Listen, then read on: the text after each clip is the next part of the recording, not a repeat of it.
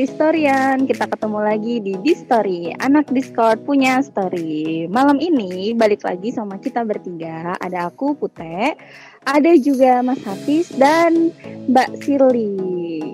Finally, after long hiatus kita ketemu lagi di podcast Distori. Ke mana aja sih Mas Hafiz, Mbak Sirli kok nggak upload-upload? Iya, Biasa sih sibuk. Aku lagi sama sibuk aja. Iya, terus bener sama aku juga sibuk, rada sibuk banget sekarang mah. Eh, sejak Sibuk kapan sih punya pekerjaan? Sejak kapan jadi pekerja?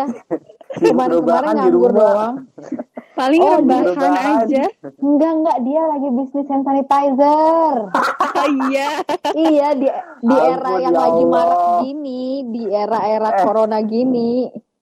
Aku tuh mau jahit Oh. dikit nggak apa-apa kali di expose semuanya. Tapi by the way, ini beneran nih, kita semua rada feel bad nih ke teman-teman yang dengerin karena kita nggak posting-posting Mhm. gitu, kita nggak konsisten gitu. Oh. Karena memang mungkin akunya nggak sibuk ya, tuh? tapi memang ada beberapa apa sih eh, adjustment ya terkait kondisi kan kita tahu semua kan Mhm. kondisi kita lagi kayak gimana. Jadi Oh, ada iya. penyesuaian-penyesuaian lah gitu. pandemi ya yang Iya, ada ada. ya kan selama kurang lebih satu setengah bulan ini kita udah harus karantina di rumah Mm-mm. ya kan berarti Iya, Mbak Sirli sama Mas Hafiz di rumah aja selama Di rumah aja. Kalau Iya, aku udah sebelum di pandemi udah di rumah Dari- aja. oh iya ya katanya mah jaim dia jujur aja. juga ya oke Udah dibongkar duluan sama si ini, Mbak Shirley itu. Asem mau. Eh tapi semoga kita Hmm. bisa ini ya tetap bisa konsisten buat posting lagi ya Amin. Lumayan pasti Iya kan? dong, Kita- bagusnya kita sih pasti- gitu. uh, kita pasti konsisten terus dengan topik-topik yang menarik. Iya, Iya, kayaknya insya Allah kita konsisten posting ya, karena kan ya banyak di rumah doang gitu. iya ngapain Banyak lagi kan coba kerjaan. Bener, bener. Bener-bener. Nah, ngomong-ngomong topik nih Mbak Putih, Ini. kita ngomongin apa nih malam ini? Nah, karena kita kan mau menyambut bulan Ramadan nih Mas Hafiz ya. Jadi kita tim di story udah nyiapin tema judul yang bener-bener keren kayaknya untuk dibahas sekarang nih. Judulnya adalah Marhaban ya Ramadan, maraknya ya Corona. Loh, maksudnya gimana tuh ya? Itu kita harusnya ngobrolnya bareng-bareng gak sih? Enggak apa-apa. Jadi bener kalau aku nakibnya gini. Bener ya? Marhaban ya Ramadan itu maksudnya gini, biasanya kan, biasanya kan kalau udah udah seminggu Mhm. nih iklan-iklan tuh udah pada iklan-iklan tentang puasa Betul, gitu loh. Ngerasa sih kalian Iklan Heeh. apa iklan? marjan. Iya, Iklan iya, marjan, iya. Tapi kok ini sekarang, tapi kok ini nggak ada, beneran nggak ada kayak gitu apa loh. sih? Beneran kayak ya? Nggak public- ada ya? Public public attentionnya ke corona. Ah, ah, makanya itu Nah, marhaban tetap dapat datang, Ramadan tetap datang, tapi yang heboh malah corona gitu. Hmm, bener ya. Tapi mau nggak mau berarti ada hal yang berbeda dong antara puasa Ramadan tahun sekarang dengan tahun kita sebelum-sebelumnya. Benar. Iya, pasti. gitu. Pasti beda Mm-mm. banget, pasti beda Pasti. banget. Pasti. Kalau kalau Mbak Sirli sama Mas Hafiz biasanya Ramadan tuh apa sih yang paling benar-benar dirindukan dari Ramadan tuh? Bulan-bulan puasa. Makanannya. Sahurnya. ya. Sahurnya? Iyalah, Apa tuh yang istimewa dari sahur? Sahurnya Indomie. Kok sahurnya sih? Orang-orang tuh buka puasa gitu. ya. Tuh biasanya itu pas buka gitu loh. Iya, Ada jadi, makanan kan jadi banyak. Gini, jadi gini, jadi gini, jadi gini. Jadi kalau di rumah aku tuh kan dilarang tuh makan Mhm. Indomie. Mungkin tiga Oh. bulan seminggu, tiga bulan atau dua bulan sekali gitu. Nah, tapi pas Mhm. bulan puasa tuh pengecualian. Tiap sahur tuh pasti masak mie. Soalnya adik aku, soalnya adik aku nggak bisa kalau nggak ada mie gitu. Jadi jadi aku ikut makan juga. Oh, Tiap hari tuh. gitu. Iya. Oh alah, oke oke oke. Kalau kalau aku sih yang Kal- paling dikangenin ini ya, es es pas buka puasa tuh ya, kayaknya Nah, seger sama. banget ya. Sama sama Ah. makanan-makanan pas buka puasa itu Ya ada mungkin Mbak, gorengannya mungkin Mbak, gitu kan. mungkin Mbak Putih nggak biasa makan makanan mewah kali ya. Jadi Iya. pas Pas kayaknya tuh, eh benar-benar sih Mbak. Nah, kayaknya kalau kalau bulan puasa di tahun ini ya, aku agak ragu sih untuk makan makanan es. Atau kalau Mbak Sili kan makan mie ya pas sahur ya. Itu kira-kira eh, gimana tuh? Apalagi kan kita ada corona gini kan, himbauan dari pemerintah kan untuk jaga kesehatan juga kan. Mm-mm. Ya sih, uh, salah satu yang berbeda di bulan Ramadan kali ini uh, di makanannya yang pasti kan seperti yang kita tahu kan corona itu kan, hmm. kan uh, gejalanya di antara lain batuk sama pilek dan demam ya tentunya. Jadi ya kita hindari makanan makan makanan yang menstimulus untuk terjadinya uh, batuk pilek itu sendiri kayak gitu. Contohnya kayak hmm, apa tuh? Misalnya Mas Apis makan yang makanan yang nyebabin Mas Apis suka batuk apa? Gorengan sih kalau udah berminyak banget itu gatel. Nah, iya tuh gorengan kan, apalagi hmm. gorengan murahan. Terus murahan. Diperjelas ya, murahan kan. Iya kan hmm. minyaknya yang dipakai 5 10 kali itu. Tahu tuh. Eh, Emang api suka eh, gue bisa juga bikin gorengan kali. ya jadi intinya dikurangin dulu ya makan makanan yang menstimulus batuk misalnya benar tadi goreng-gorengan atau yang bersuhu ekstrim seperti yang terlalu dingin atau terlalu panas juga nggak boleh atau rasanya taste-nya yang terlalu ekstrim terlalu pedas misalnya atau hmm. terlalu asam terlalu manis juga jangan gitu. Tapi pertanyaannya nih ini hmm. uh, Mbak Siri ya itu hmm. kan makan makanan pedas uh, uh, kenapa maksudnya apakah memang bisa ngefek ke daya tahan tubuh sehingga bisa kena corona atau ada faktor lain kenapa kita harus menghindar gitu loh? Yang pertama itu kalau kita misalnya terserang batuk pilek, yang pertama pastinya belum tentu corona itu kan. Tapi mindset kita kepikirannya corona karena apa? Oh, Orang sekeliling kita udah pada kena corona semua itu yang pertama. Mm -hmm. Terus yang kedua benar ada efek dari daya daya tahan tubuhnya turun. Jadi kalau uh, mukosa mukosa tuh kayak suatu bagian ya di di uh, rongga tenggorokan kita, di hidung kita. Itu kalau kita terserang batuk sama pilek dia lebih rentan, lebih rentan terkena infeksi lain. Jadi bisa aja sebenarnya kita cuma kayak alergi, tapi kalau ada virus itu lebih kayak istilah bahasa awamnya kayak lebih gampang nempel, gampang terkena dan gejalanya akan lebih berat kayak gitu. Jadi yang untuk hal-hal seperti itu kita hindarin dulu lah kayak gitu. Jadi bulan puasa ini satu bulan penuh ini kalau bisa jangan dulu makan makanan yang menstimulus batuk pilek tadi gitu. Kalau gitu mulai sekarang kita harus say bye bye to es teh dan es buah nih. Berat banget sih asli. Itu kayaknya aduh. kayaknya aku ada akan akan tergoda melanggar itu sih kayaknya. Tapi aku semoga nggak ngaruh banget ya. Aku tahu kenapa Marjan itu nggak nggak bikin iklan karena percuma nggak bakal laku. Iya nggak balik modal dia kan nanti. orang orang nggak mau minum es dulu kayaknya sekarang pas pas puasa. Iya ya benar. Tapi bener. kan bisa anget ya, kurang tapi, kali ya tapi, rasanya. Tapi ya. aku tapi kayak aku baru sadar loh bener loh Mbak Putih nggak ada ya iklan sirup ya. Nggak ada kan, kayak cuman iya, bener. padahal kita udah mau seminggu lagi. Betul atau betul. Hari ini. Iya, seminggu lagi. Iya nggak ada nggak ada bener bener nggak ada. Nggak ada nggak ada kerasa apa sih nuansa-nuansa bakal Ramadan itu nggak nggak kerasa. Iya, benar-benar aku kayak pas kok tiba-tiba seminggu lagi udah mau Ramadan nih apa? Iya. Gelombang-gelombang Ramadannya nggak ada sama sekali. Acara-acara hmm. TV juga nggak perhatiin nggak ada sih udah mulai ada iklan tuh sahur Betul, kita benar, ini benar, talk show ini sahur gitu kan nggak ada. Betul. Uh-uh, benar-benar. Makanya benar, bakal benar. bakal aku pasti ngerasa pak ini bakal beda banget pasti beda banget Betul. dari mulai dari oh. budaya atau kebiasaan ya sampai ke ibadah hmm. pasti beda gitu loh. Pasti.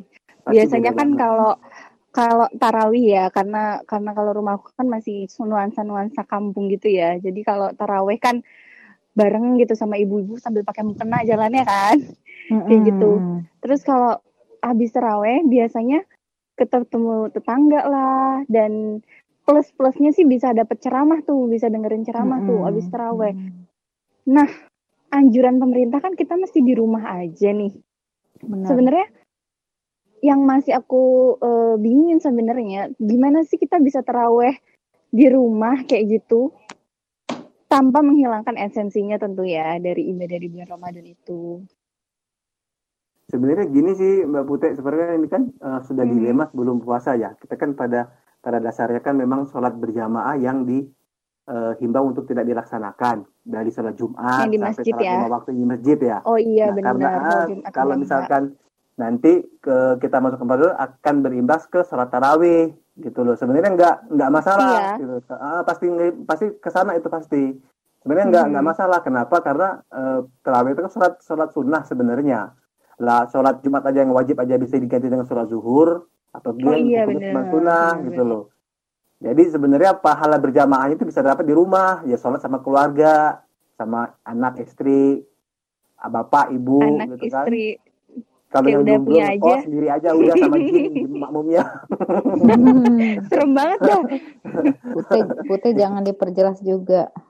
Iya iya. Si Putih Promosi, suka, suka promosi. ada penekanan gitu. Iya sama aja Biar- sih, soalnya aku juga puasanya sendirian nggak barengan sama suami jauh-jauhan.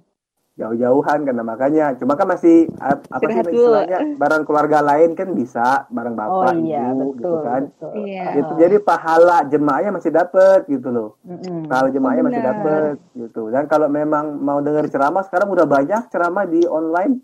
Bahkan ada beberapa kajian yang biasanya Hmm. rutin ada di masjid-masjid udah pindah ke ke Hmm. online dan itu rutin Online. gitu. Mm-mm. Heeh, jadi udah sudah bisa sudah bisa dibiasakan dan sudah bisa untuk diakses lebih banyak lagi gitu dan itu Hmm. sudah interaktif kok maksudnya bukan bukan video di eh, apa sih direkam terus di post enggak jadi dia live, dan Live bisa gitu tanya, ya? tanya Oh, jawab iya. heeh.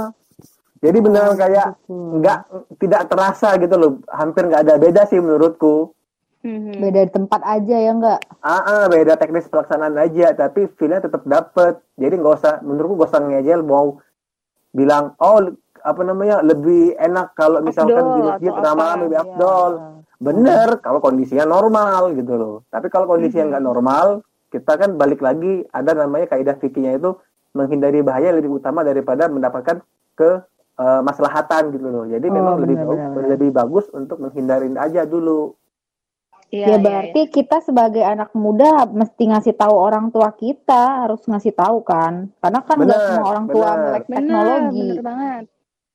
Dan Benar apalagi kan banget. kadang-kadang orang tua berpikir, ya ini kan setahun sekali gitu harus dimanfaatkan momennya kayak gitu. Sedangkan kondisinya kan sekarang kita harus menghindari bahaya kayak gitu. Mm-mm. Bener sih kayak yang dibilang sama Mas Hafiz tadi, kita harus menghindari wabah. Kalau aku pernah dengar dari eh, ceramahnya Ustadz Abdul Somad itu beliau bilang sebenarnya kita bukan meninggalkan eh, sunnah berjamaah di masjid, tapi kita itu cuma beralih atau berpindah dari sunnah yang kita sholatnya di masjid dengan sunnah kita untuk menghindari wabah itu. Jadi nggak ada yang kita kalahkan ya sebenarnya dari kita tetap di rumah aja beribadah gitu.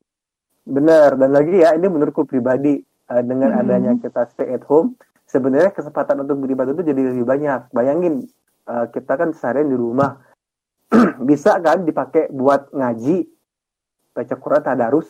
Yang biasanya Benar, biasanya sih kalau Semangat. normalnya habis sholat paling dua eh, dua lembar, tiga lembar. Sekarang mah bisa Mhm. sampai panjang, bisa 10 lembar kalau emang niat gitu kan ya. Karena waktunya Kalau ada, tinggal ya. kitanya mau ah. Karena gini waktunya ada, tinggal kitanya mau atau enggak gitu loh. Betul, jadi nggak ada Eh, waktunya ada. nggak ada gitu. Karena halangan kita lagi. nggak ada nggak ada alasan lah. Baru kalau emang kalau Ramadan tahun ini nggak khatam, emang orang yang males. Benar. lebih lebih apalagi katanya kan kalau Ramadan eh, setan-setan diikat itu gak sih benar gak sih Iya ada ada benar Iya. benar. Benar. Jadi Hmm, kalau tapi, kita masih- tapi eh, benar. lebaran apa ya lebaran Ramadan Ramad- Ramadan tahun ini juga lebih spesial Mbak. Apa Sebelum tuh? setannya dikurung, manusianya udah dikurung duluan. oh iya benar ya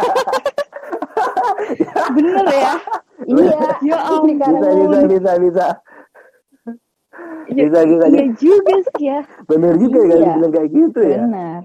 kalau Gitu. kalau kalau aku kan di Jakarta itu udah mulai untuk stay di rumah kan dari 13 Maret tuh ya iya, nah kalau di Palembang lama. mulai kapan tuh himbauan-himbauan gitu Eh, Palembang Sama. tuh baru dua hari ini dikelompokkan Hmm. dalam red zone, tapi eh, kayaknya kalau Wow, wow, wow, wow. himbauan yang edaran resminya belum keluar ya, Pis ya? Belum belum kalau yang kayak Iya, resmi keluar. kayak kayak Pak Anies ya itu belum ada. Iya, apa kayak apa sih PSBB gitu-gitu belum ada juga. Ah, belum ada dan belum Mm-mm. belum ada apa sih belum mengerahkan personil polisi dan TNI itu belum Benar, iya. benar belum ada belum ada Oke, Gitu. berarti ibadah di rumah, stay di rumah. terus bahkan kita dengerin ceramah pun di rumah ya bareng-bareng keluarga gitu ya. Jadi Heeh. sebenarnya kalau dipikir-pikir, kalau aku mikir kalau misalkan dulu, dulu Mhm. kalau aku soalnya kan sebelum sebelum pandemi kan udah di rumah ya. Cuman mungkin jadi aku- kalau aku pribadi nggak terlalu terasa. Cuma kalau teman-teman Oh, mungkin bakal mikir, gila, gua sebulan lagi selama puasa di rumah doang gitu loh. Ini udah lumutan, sebulan lagi karatan, Hmm, Udah. benar-benar. gitu kan? Udah. Mungkin ya, aku nggak tahu. Soalnya kan kalau aku kan sudah udah udah udah mulai terbiasa ya dengan kondisi di rumah Mhm. terus kan ya. Cuma kalau teman-teman nggak- ngerti nih, mik- mikir kayak gitu nggak sih? Mikir sih. Ah, aku nih mau nanya juga nih ke dokter Shirley nih. Mm-mm. Aku kan juga biasanya aktivitasnya di luar ya Mbak ya. Terus udah Mm-mm. sebulan lebih itu aktivitasnya di rumah. Itu mostly itu dilakukan dengan rebahan. Mm-mm. Sedangkan kan kalau Ramadan itu kita nggak baik ya banyak tidur kayak gitu. Malah nantinya eh apa tuh imunitas kita turun bener gak sih? Kayaknya kira-kira apa sih Hmm. selain selain tadi kan ibadah udah Mm-mm. oke, makanan Mm-mm. udah oke. Apalagi sih yang bisa kita lakukan selama di rumah aja gitu? Eh, di bulan Ramadan kan memang kita walaupun nggak walaupun nggak ada eh, pandemi corona ini juga kantor-kantor atau sekolah-sekolah emang ngebanyakin agak ngebanyak agak ngurangin waktu aktivitas di siang hari kan. Hmm. Jadi memang kan eh, kita di siang hari walaupun ada aktivitas atau enggak tetap harus istirahat. Ini tujuannya memang kita kayak nabung energi untuk beribadah di malam hari. Seperti yang kita tahu kan nanti kalau malam hari di bulan Ramadan tuh banyak sholat banyak ibadah-ibadah kayak sholat tarawih ngaji malam hari gitu kan. Jadi siangnya perlu istirahat kayak gitu. Nah Hmm, tapi nggak mulu ja- jangan rebahan mulu. Harus gerak juga ya kayak workout workout simple lah. Tapi nggak perlu kayak mesti jogging ngelilingin kota gitu. Jogging di stadion di nanti ya. GBK iya jangan. Kayak di rumah aja. Kayak eh, paling kayak olahraga ringan sit up push up gitu kan. Squat jam. Pokoknya yang simple-simple aja lah. Iya Oh, eh, tapi kita tetap harus gerak kayak gitu. Minimal kalau misalnya males 15 sampai 20 menit cukup lah gitu. Dan itu itu, itu bagusnya terserah. Pagi bebas. sore, jadi malam? jadi jadi metabolisme orang kan beda-beda nih. Ada orang yang Hmm. kayak si apis-apis eh, olahraga kalau habis bangun sahur kira-kira gimana? Lemes nggak? Lemes. Nah, iya, ada yang ada yang dia lemes di pagi hari. Karena memang ada orang-orang yang eh, gu- apa sih kandungan gula darahnya tuh di pagi justru rendah gitu. Jangan dipaksain kalau dia nanti paginya olahraga puasanya si Apis nggak sampai setengah hari udah buat batal gitu kan. Nggak sampai setengah Iya. hari, mending ngomong setengah hari dah, nggak sampai setengah hari. Dikira gua anak Iya. Bisa aja di jam jam, 10 9 udah buka abis- kulkas Iya, udah buka kulkas gitu makanya. Jadi kalau misalnya kayak untuk solusinya, solusinya cari waktu yang kitanya nggak lemes gitu. Nggak apa-apa abis makan misalnya kayak dua jam, eh, jangan abis makan langsung langsung workout nanti muntah kan kayak satu atau dua jam setelah makan boleh kayak gitu. Jadi intinya kayak kita eh, badan kita nggak kaku lah bergerak gitu. Terus kan gerak eh, tu- gerakan tubuh kita juga meningkatkan sistem imun kita juga untuk mel- melawan virus-virus yang ada kayak gitu. Berarti kalau Tapi saya- tidur kalau malam ya Hah? apa? Mbak, Tapi tidur nanya, malam kalau- jangan ah, Aku mau nanya bentar deh, kalau misalkan eh, gerak, berarti boleh dong geraknya itu workout itu setelah sholat tarawih kan habis, habis buka tuh. Iya. kita sholat Malam, dulu, malam habis tuh sholat ya. tarawih baru Hmm. kita ini. Ngefek gak sih kalau ol- olahraga malam itu? nggak apa-apa nggak masalah banyak kok yang olahraga malam nggak apa-apa yang penting itu eh, bukan masalah waktunya masalah eh, dia bakar kalori atau menggerakkan otot atau enggak gitu dan itu nggak masalah waktunya kapan aja soalnya kita kalau Oke. maksain harus pagi ada orang yang lemes di pagi hari nggak bisa gitu terus kita Hmm. maksain malam ada orang yang waktu tidurnya lebih cepet nggak bisa gitu. Jadi kayak penyesuaian aja yang jelas 15 sampai 20 menit lah gerakin tubuh kayak gitu. Ya misalnya nggak mesti apa sih nggak mesti itu juga ya push up segala macam. Kayak misalnya mau ngepel ngepelin rumah gitu sama aja gerak kan Ya gitu Hmm. nyuci nyuci baru eh nyuci baru nyuci kalau baju nyuci gitu kan. nggak gerak mbak kecuali Nggak mbak gerak ya, tangannya sambil doang. meres eh, meres bajunya hampir muter-muter rumah gitu sambil jogging ya iya kalau meres kalau nyuci mah mantep itu nggak gerak Tapi kan basah. Oke, oke. Apa sih? Bukan keringet ya? basah. air laut. Basah air Garing, putih. garing. Itu garing garing. garing. Iya, iya, iya. Ya? Ketawain aja, Pis. Ketawain. Oke. Tapi ini ini serius nih. Eh, pertanyaan Hmm. serius nih. Eh, kalau ada nggak sih ngaruh-ngaruh ke mental health antara orang yang cuma rebahan doang tapi dis atau dengan orang yang diselingi dengan workout gitu loh. Nah, Yes. nah, bener. Ah, ah, ah. Jadi kita itu eh setiap habis workout, setiap habis gerak, sebenarnya itu memperlancar aliran hormon kita. Salah satu produksi hormonnya itu hormon endorfin namanya. Jadi kayak kita habis habis capek-capean gitu, kita tuh kayak apa sih ngos-ngosan pasti kan kayak kayak apa sih bahasa Palembangnya Denyut menges bahasa jantungnya, Indonesia-nya denyut apa Iya, ya? iya, jantungnya iya. bergerak ya lebih denyut cepat. denyut denyut jantung bergerak lebih cepat terus kita kayak ngos-ngosan kayak berusaha effort Mhm. narik napas gitu kan nah di situ ada Mhm. proses eh, pengeluaran rilis endorfin hormon itu kayak eh, kita secara nggak langsung itu kayak apa sih istilah bahasa alamnya kayak hormon kebahagiaan ya? Jadi kayak perasaan kita tuh kayak wah aku habis olahraga nih. Kayak gitu. Jadi kayak eh itu salah satu efeknya bukan efek sih kayak good effect ya good effect dari abis olahraga itu kita perasaan kita jadi lebih senang lebih seger gitu Hmm. I mean seger di sini maksudnya bukan seger yang jadi lebih fresh gitu ya karena kan nggak mungkin lagi keringetan nggak mungkin jadi baunya jadi seger gitu kan jadi maksudnya kayak lebih perasaannya kayak lebih fresh gitu Moodnya, moodnya naik Iya, berarti karena ah, kurang iya, lebih. moodnya. Ah, iya iya. benar terus Ribet banget dah bilang mood aja.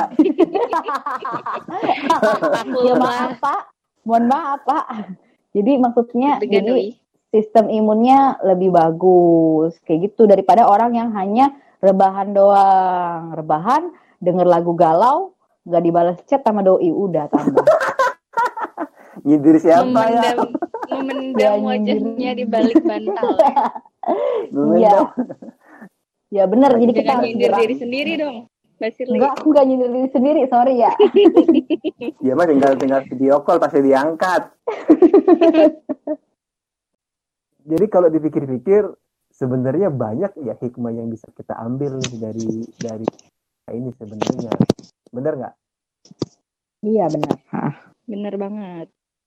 ya dari dari segi kesehatan tadi kan jadi berpuasa di maraknya corona ini kita kayak jadi lebih mengontrol pola makan kita yang tadinya setiap habis buka puasa langsung makan es, makan gorengan yang pedes-pedes. Di sini kan kita Mhm. menghindari makan makanan tersebut karena nanti bisa menstimulasi batuk pilek dan memperberat gejala ya kalau udah ada gejala gitu. Terus waktu istirahat juga jadi waktu istirahat kita lebih berkualitas kan karena WFH tadi jadi lebih eh, lebih berkualitas waktu istirahatnya dan nggak mesti rebahan doang jadi istirahatnya diselingi dengan workout biar sistem imun kita lebih bagus gitu Ya, bener banget. Selain itu kan karena anjuran pemerintah juga nyuruh kita stay at home nih di rumah, otomatis banyak aktivitas-aktivitas kita di luar rumah yang harus kita alihkan dulu nih ke dalam rumah gitu kerjaannya. Kayak misalnya biasanya ya kalau aku sih ya bukbernya tuh sering banget kayak sama alumni SD lah Sombong. sama iya. Mohon maaf banyak temen dan apalagi ya kalau kalau bukber itu iya, nggak kesebut ya. Dan Ya biasa kan kalau kalau bukber kita ngeluarin ya cukup ini ya buat jajan dan segala macem. Nah itu bisa kita alihin tuh buat yang lain. Kayak misalnya buat sedekah lah kita donasi buat beli APD dan segala dan juga kalau kita sering-sering di dalam rumah otomatis kan kita ketemu orang tua lebih banyak ketemu sama anak istri yang udah punya kayak gitu otomatis kita bisa sama-sama beribadah bareng tambah harmonis juga gak sih keluarganya Mm-mm, betul. kalau dari Mas Hafiz apa nih hikmahnya Pis diem-diem baik lu. Enggak, ini baru ngomong-ngomong. Iya, Iya, iya, iya, iya, iya. Emosi ini ya. Kalau aku sebenarnya gini mau mau kasih penekanan buat teman-teman yang eh, punya status OTG, PDP, ODP atau bahkan yang positif, nggak usah stres lah ya. uh, yaitu bagian dari hidup ya cobaan atau juga kalau nggak mati karena corona kan mati karena hal lain gitu loh yang penting sekarang kita mikir gimana caranya jangan sampai kita nyusahin orang lain dengan langkah-langkah preventif yang sudah ada oleh pemerintah gitu. Terus juga buat yang tanpa status ya orang-orang sehat please dong ini corona itu sakit bukan najis gitu loh. Dan nggak haram jangan ditolak-tolakin jangan dicibir-cibir jangan menjauh biasa aja gitu loh kayak penyakit flu. Cuman ini yang nularnya bahaya gitu. Jadi kita preventif. Tapi bukan juga mm-hmm. bukan juga di apa sih istilahnya? Di isolasi secara sosial gitu loh. Iya, ingat uh, yang sekarang kan udah berubah kan? Istilahnya bukan social distancing tapi physical distancing gitu loh. Jadi fisiknya aja ya yang fisiknya ya. aja gitu loh. Kita ngobrol masih bisa iya, FaceTime ya, masih betul, bisa nelfon masih bisa gitu loh. Gitu aja sih. Benar. itu kayaknya uh, apa sih nama jadi concern stigmanya juga, uh, stigmanya juga kayak jelek. Tuh. Oke, dan yang paling penting ya, penekanan lagi. Yang dijauhi dan yang diterangi itu virusnya, bukan orangnya. Orangnya, betul. Dan yang paling penting, nah hikmah terakhir nih kita simpan di akhir. Karena kita di rumah aja, banyak banget waktu luang ini adalah momentum terbaik kita untuk memaksimalkan apa sih esensi dari ibadah kita di bulan Ramadan ini yang Asik. tadinya mungkin ya yang tadi udah disebut di awal tuh yang belum pernah hatam sekarang ayo kita hatamin sekali atau dua kali gitu. Siap, Dan Bu Ustazah. Ah. cakep, cakep. Padahal cakep. dia ya Pak Ustadznya ya. Cakep. Uh, dan ini nanti menantu nih. Menantu ya belum ke promosi terus ya tahu yeah. biar orang-orang tahu gue belum punya yeah. oke okay. ya nanti Dan, abis abis corona nikah semua lu pada fokus fokus. Dan tujuan kita nanti akhir Ramadan bisa untuk meraih kemenangan. Oke kayaknya kita udah banyak banget ngobrol nih dia tadi segini dulu obrolan kita tentang gimana sih cara kita berpuasa terus ibadah di tengah-tengah pandemi corona ini dan di story semuanya, stay tune terus di channel di Story Podcast ini. Dan juga jangan lupa follow, kita punya Instagram juga, namanya at di Storyboard. Dan tentu Spotify kita ini. Oke, di story semuanya, kita cuma berpesan, jangan lupa stay safe, stay at home, dan tetap stay healthy. Bye-bye semuanya, selamat menjalankan aktivitas kembali. Bye.